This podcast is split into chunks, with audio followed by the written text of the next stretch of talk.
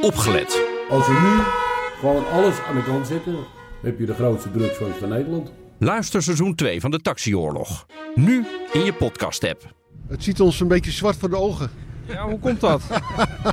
Maar dat komt door de zwartgelakte documenten die we allemaal te zien kregen. De column van Paul Lasseur.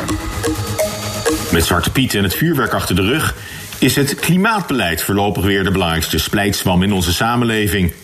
Waarbij gek genoeg precies dezelfde kampen tegenover elkaar in de loopgraven liggen.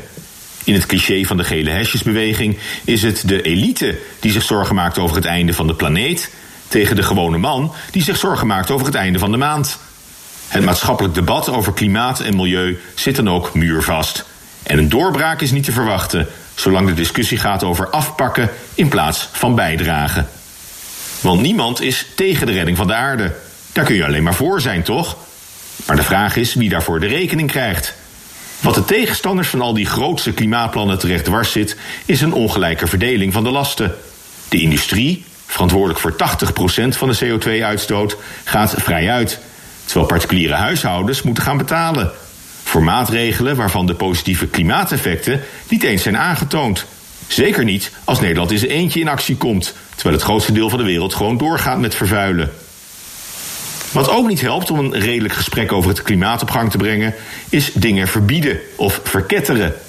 De lijst met doodgewone zaken en alledaagse activiteiten die te veel broeikasgas of fijnstof uitstoten, wordt steeds langer. Je moet je schamen in het vliegtuig of de dieselauto met je biefstuk en de houtkachel. Zelfs kinderen krijgen is een aanslag op het klimaat. Dit weekend deed het AD daar nog een schepje bovenop. Onder de kop: een huisdier is net zo slecht voor het milieu als met je SUV naar Marokko. Zwitserse onderzoekers vergeleken de ecologische pootafdruk van een hond met het aantal gereden kilometers in een luxe terreinwagen. De milieuschade van een hond komt dan gemiddeld uit op 3677 SUV-kilometers per jaar. Zo had ik onze trouwe Dido nog niet eerder bekeken. Ze stinkt een beetje uit de bek, maar een milieudelict zou ik er niet noemen. Het fanatisme waarmee klimaatjihadisten, dieselrijders, vleeseters, openhaardstokers en luchtreizigers de les lezen en nu weer hondenbezitters, werkt alleen maar averechts. Omdat het voelt als het afpakken van de kleine genoegens in het leven, zonder dat daarmee op wereldschaal enige reële klimaatwinst te behalen valt. Dat roept alleen maar verzet op. Intussen blijken steeds meer burgers best bereid een positieve bijdrage te leveren aan het klimaat.